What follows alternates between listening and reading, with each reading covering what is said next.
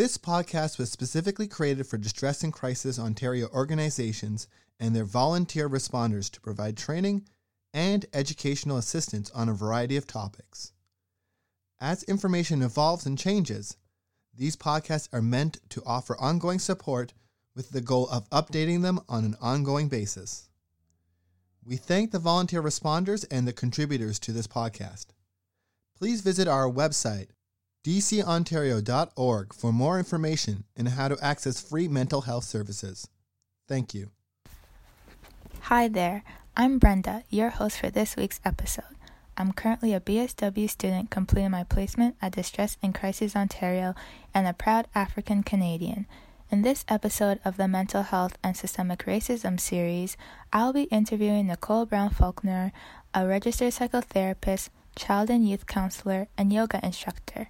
I hope that through these podcasts that they will be a source of education to know about what's going on in our society and what community supports and resources are available. Enjoy!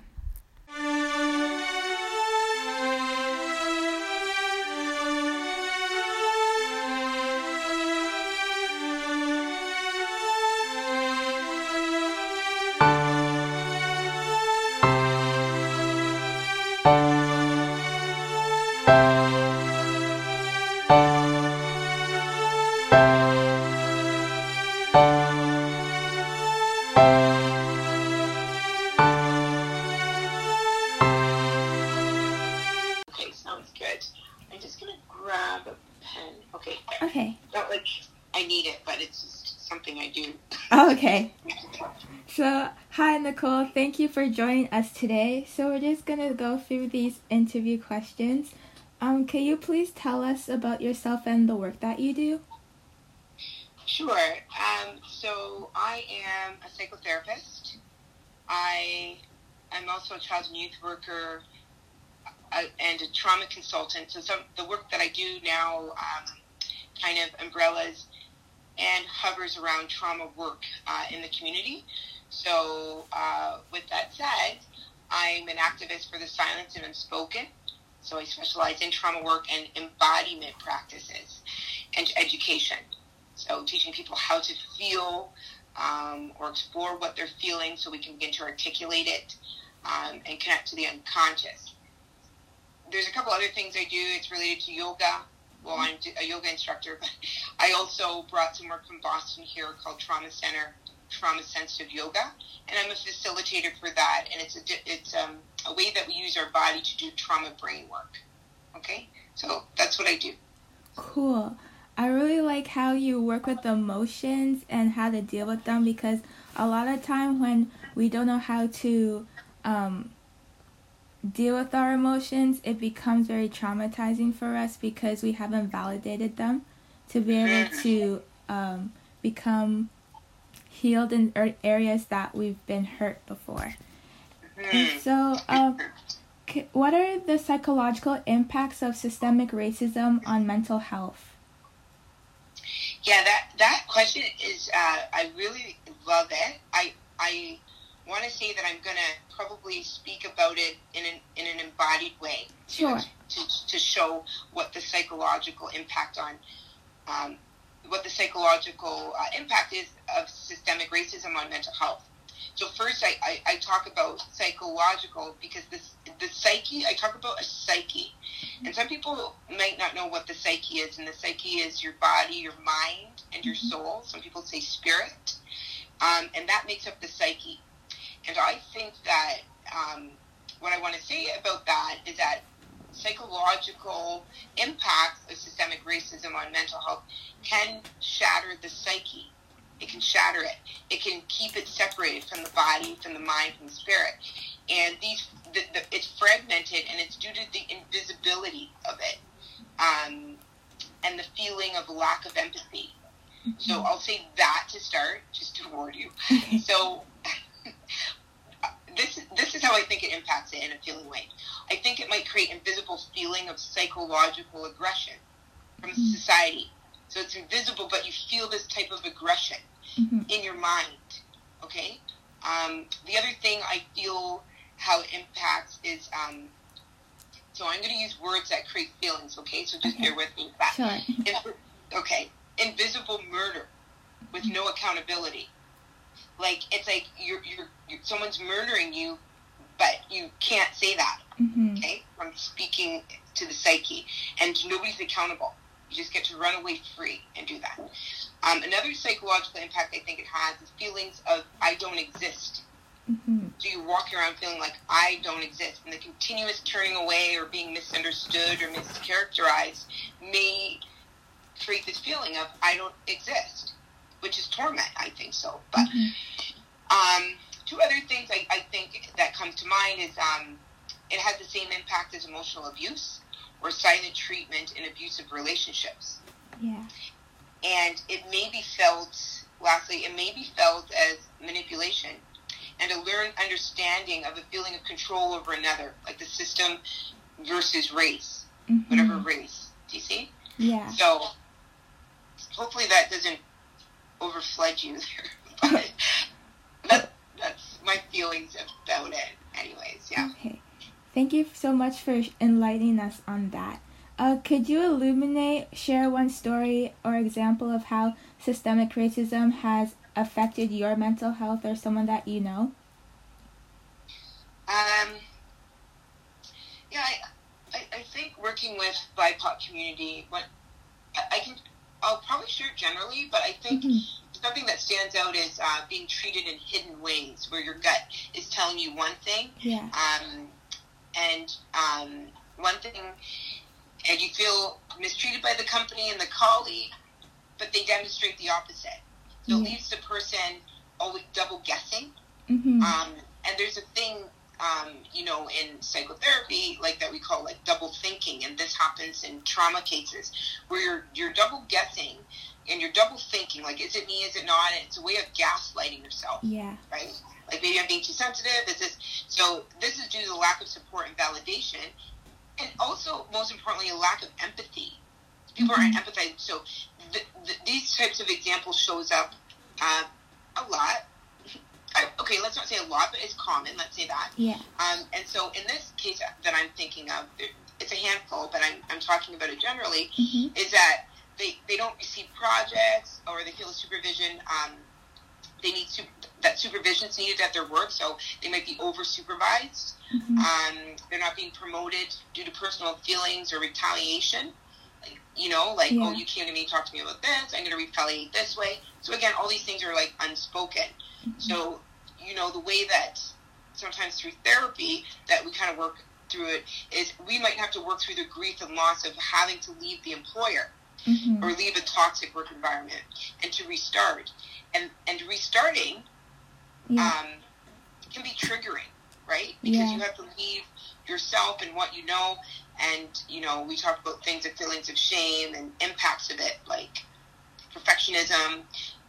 You know, I can talk a lot about this stuff, but I Mhm. try not to. But there's a lot of impact around these invisible things and having to, to work towards leaving a place that's toxic that you don't have the validation or empathy and you can't speak to it, yeah. but you know that there's personal feelings or retaliation happening mm-hmm. um, um, I'd say I kind of want to say that uh, people's mental health is affected in these types of decisions or these types of dynamics because you, you see things like PTSD. Yeah. People can suffer post traumatic stress disorder from that Wow. because it's, it's a form of helplessness and you can't escape. Mm-hmm. And in that, and when there's a control or a power over, it creates this PTSD symptoms because you're going in day after day with this type of hypervigilance or this um, activated nervous system, Mm-hmm. and um, so that's impactful. And suicidal thoughts are are um, effects on mental health, depression, anxiety is very common Mm-hmm. as well. So it's like chronic pain and binge eating and so forth. So Oh wow, that's a lot. Mm-hmm. yeah, I don't know where to stop because you know Yeah, it's so deep. because it is right, Mhm. and it's also unspoken. And one of the things that I do is to speak about what's unspoken. Yeah. You know, so you kind of bring it to light, so people kind of the varieties might get uncomfortable, but that's because the unconscious things are becoming conscious. You're Yes. thinking, they're, Mhm. food for thoughts. Yeah. Yeah, I Mm. think it's really important to bring up because a lot of people, like living in a white dominated society, you may feel like it's only you going through these things and you might be overreacting but i'm glad that you you you offer services for people to know that what they're feeling is uh, validated and they have a space to heal from the things that they've encountered through the system so with your expertise in psychotherapy how do you assist people who have experienced systemic racism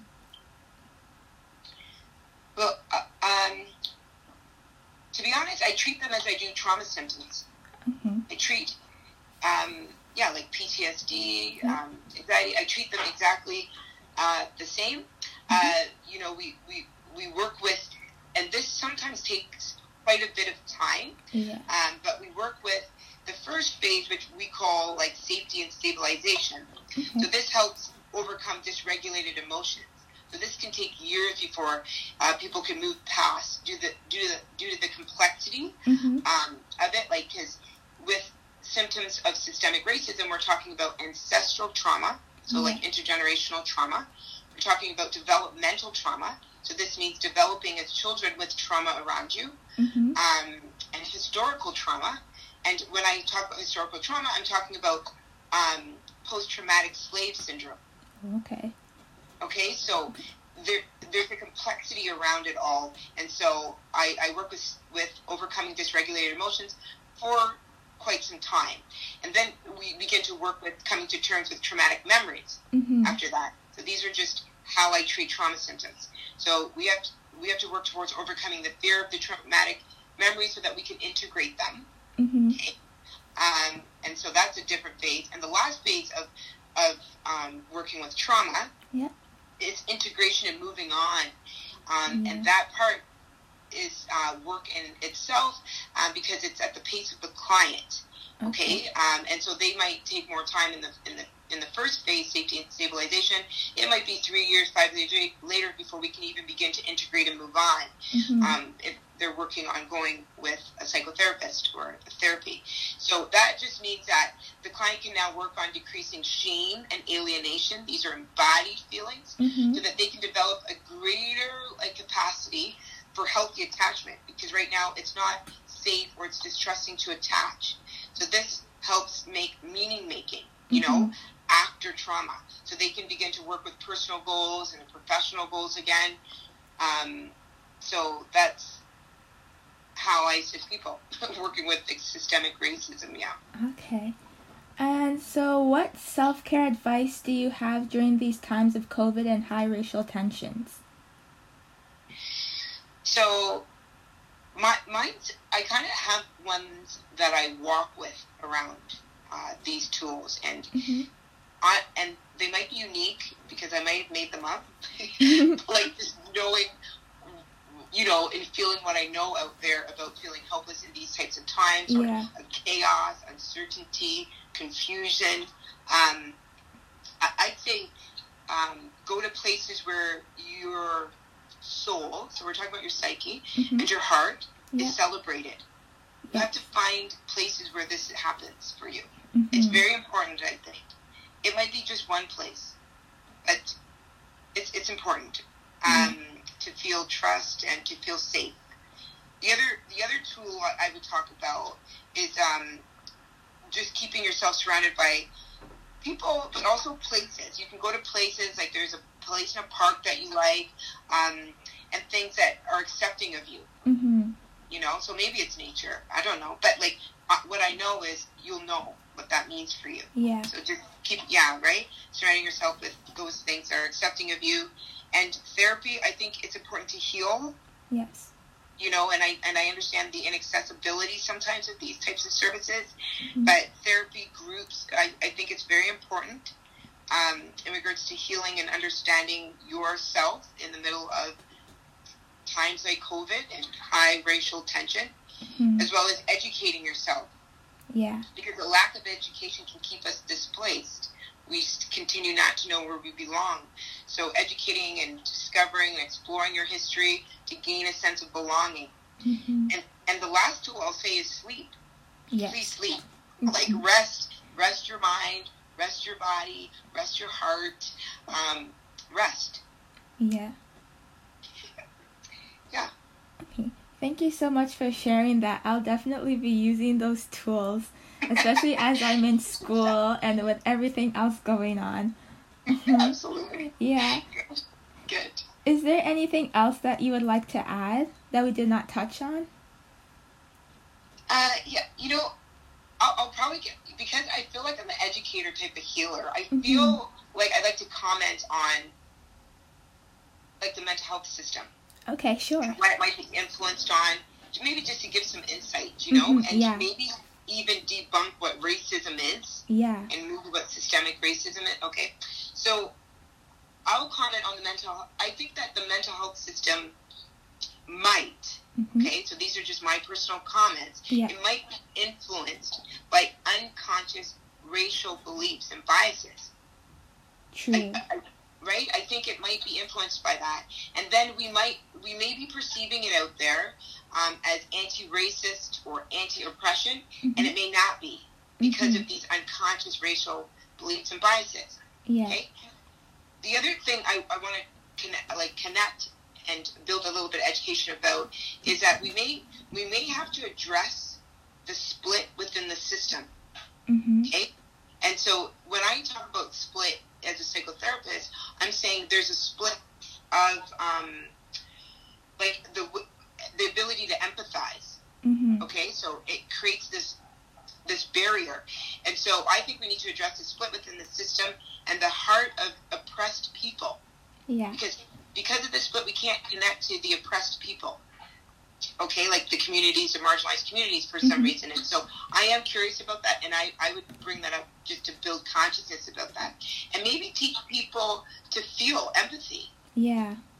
right? Like maybe it takes leadership teams or like, you know, at the top, you know, I call it like top down, bottom up, in the Mm-hmm. way like in in our system we can't, we don't really have a lot of control about that, but it is dominated from the top down. So maybe teaching the top to empathize or connect to what they might be disconnected to, which doesn't allow them to empathize, so that they can learn to empathize for others and teach it from the bottom up as well Yes. from people, right? Mhm. and in from the sides. It's like all do this inclusively together. Mhm. Um, so it might look like it might look like this. This is what I think. It might look like questions like or statements like what going into these types of system and saying what do you feel Mhm. about your vulnerability, Yeah. your insecurity and inadequacies Mm-hmm. when working with racial biases, so that it doesn't define the both of us. Yeah. You know what I mean? Mm-hmm. So we have to like kind of just go to go right to the nugget. What do you feel about your vulnerability, your insecurity, your in- inadequacies when working with racial biases or hate, so that it doesn't define both of us? Because that's what's happening, I Mhm. think, right? Yeah. So because we can ask questions to begin to like actually debunk and build education about what racism really is in these little nuggets too. Mm-hmm. Because the last thing I think, I know I'm adding like a couple things, but Oh, it's good. okay, but I think that it's important to to say, well, really, what is racism?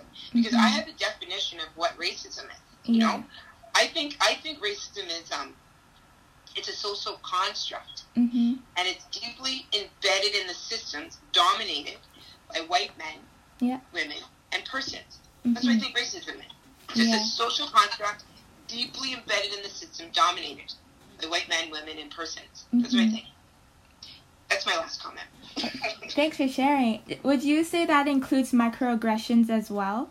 Absolutely. Yeah, because I like what you said about the empathy part and um, how like many of our white um, employers or coworkers they don't really understand the black experience. So when you do try to tell them something, it's like they kind of brush it off. But I feel like it's really important that they realize that these are our experiences and they don't really have the right to tell us, oh, it wasn't that bad. So I feel like the empathy part is really important, especially with like what you're saying about the trauma that our ancestors went through. We also feel it as well, but um, our fellow white employees they don't have that trauma as well. So it's a very interesting dynamic.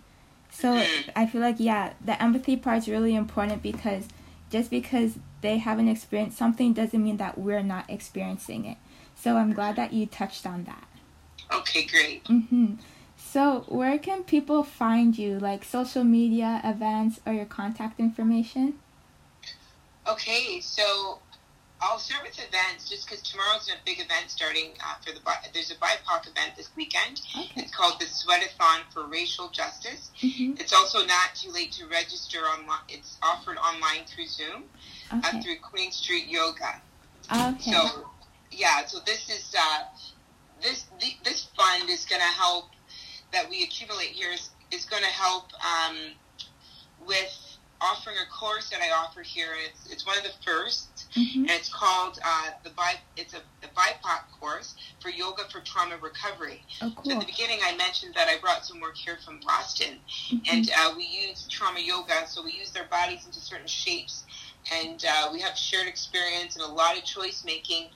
And it's a way actually to work with a brain that's been traumatized, like doesn't like where our bodies don't feel safe to be in our bodies, and yet, um, and so I get to offer this uh, seven week course Mhm. and um, that'll start the end of October. Again, this is offered online, um, and, and I feel it might be the first of many. So I'm just bravely Ooh. going out uh, to begin to start this work Mhm. um, since the changes this past year.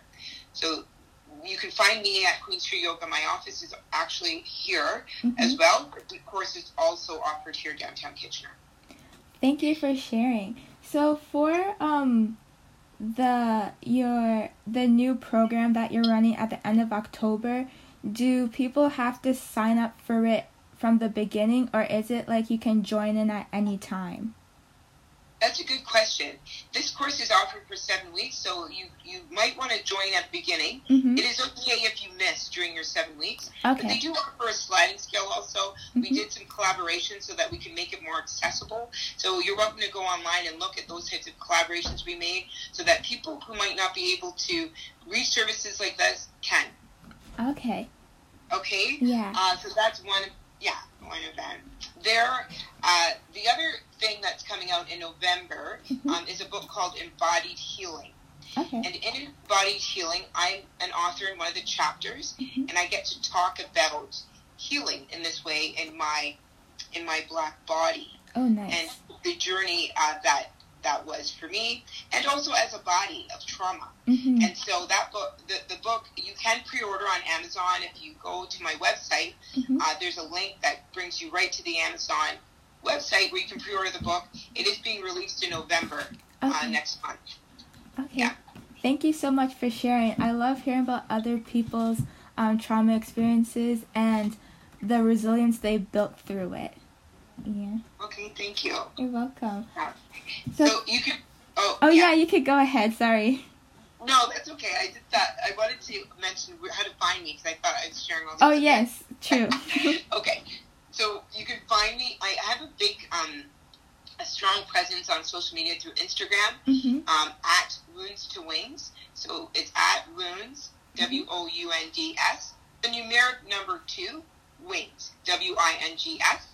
And you're most welcome to follow me there. I have Wednesday Community Voices, where I'm speaking on curiosities and inquiries from the community hmm uh, that they're not able to voice themselves. So I go on and do some talks about it to everyone, where it can meet everyone where they're at, is my attempt. Um, you can also find me on Twitter and on my website as well at wounds2wings.com. Thank you so much. I'll be definitely checking you out on these various social media platforms. Yes. Thank you so much for your time and for sharing your knowledge with us. Well, it was an honor to be invited and to connect with you, Brenda, so thank you for having me. You're very welcome. Have a good rest of your day. Okay, you too, Brenda. Bye. Bye. Hi, I'm Damien, one of the editors of the DCO Learning Forums podcast. Over the past year, we've been busy converting our Learning Forums series of videos into podcasts and thinking of new ways to continue delivering new and more in depth content. We've seen the demand, and we're announcing our move to Pinecast and our new tip jar function. Please consider going to tips.pinecast.com slash jar slash distress and crisis Ontario and donating. And in return, we'll be recording new follow up episodes on some of our most popular topics. These will be accessible for tippers only and will help pay for travel, web hosting, etc. For the interim, you'll still be able to access existing content on both on both the Pinecast and Fireside feeds for free, but eventually we'll be making the switch to Pinecast. Thank you for your understanding.